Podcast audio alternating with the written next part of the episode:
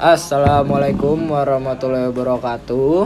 Waalaikumsalam warahmatullahi wabarakatuh. Jadi di sini saya akan membuat podcast kecil-kecilan aja ya buat pelajaran sejarah minat lebih tepatnya.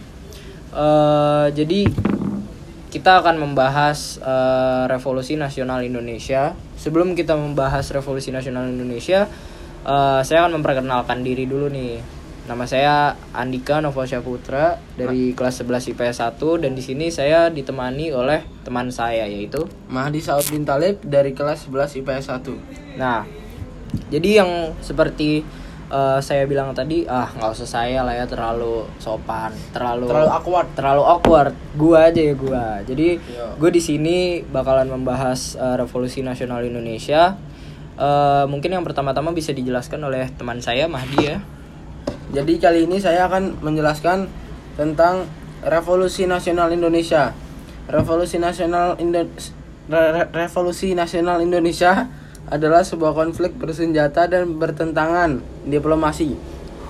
Republik Indonesia yang baru lahir melawan diwakili oleh Inggris. Rangkaian peristiwa ini terjadi mulai dari proklamasi kemerdekaan Indonesia pada tanggal 17 Agustus tahun 1945 hingga pengakuan kemerdekaan kemerdekaan Indonesia oleh Kerajaan Belanda pada 29 Desember 1949. Nah, eh, meskipun demikian, gerakan revolusi itu sendiri telah dimulai pada tahun 1908 yang saat ini diperingati sebagai tahun dimulainya kebangkitan nasional Indonesia. Eh, selama sekitar empat tahun, beberapa peristiwa berdarah terjadi se- secara sporadis. Selain itu, terdapat pula pertikaian politik serta dua intervensi internasional. Dalam peristiwa ini, pasukan Belanda hanya mampu menguasai kota-kota besar di Pulau Jawa dan Sumatera, tetapi gagal mengambil alih kendali di desa dan daerah pinggiran.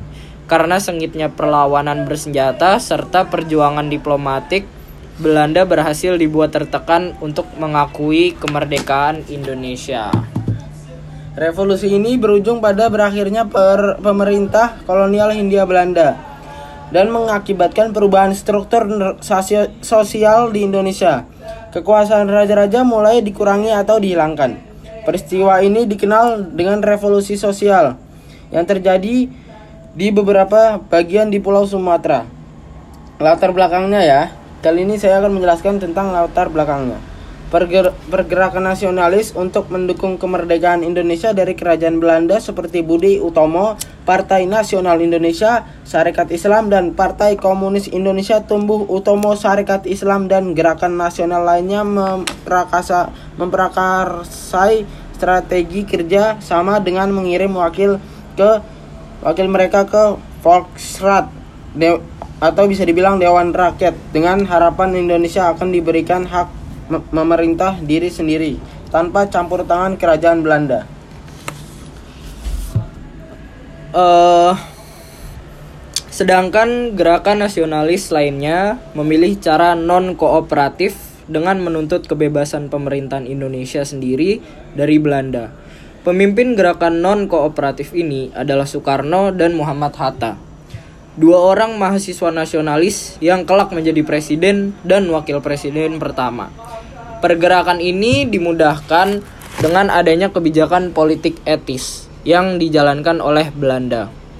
Pendudukan Indonesia oleh Jepang selama tiga setengah tahun masa Perang Dunia Kedua merupakan faktor penting untuk revolusi berikutnya. Belanda hanya memiliki sedikit kemampuan untuk mempertahankan penjajahan di Hindia Belanda. Hanya dalam waktu tiga bulan, Jepang berhasil menguasai Sumatera.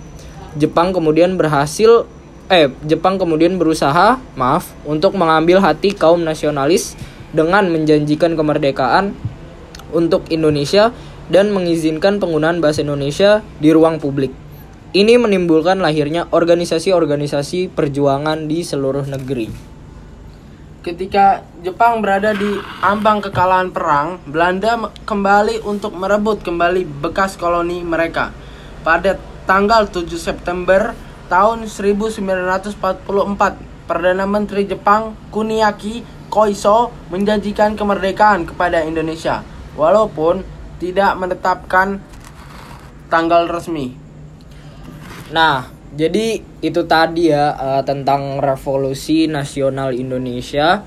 Eh, kita bikin podcast mungkin pendek aja, sebentar aja ya. Yang penting singkat, jelas dan apa di? Padat. Dan padat, betul sekali.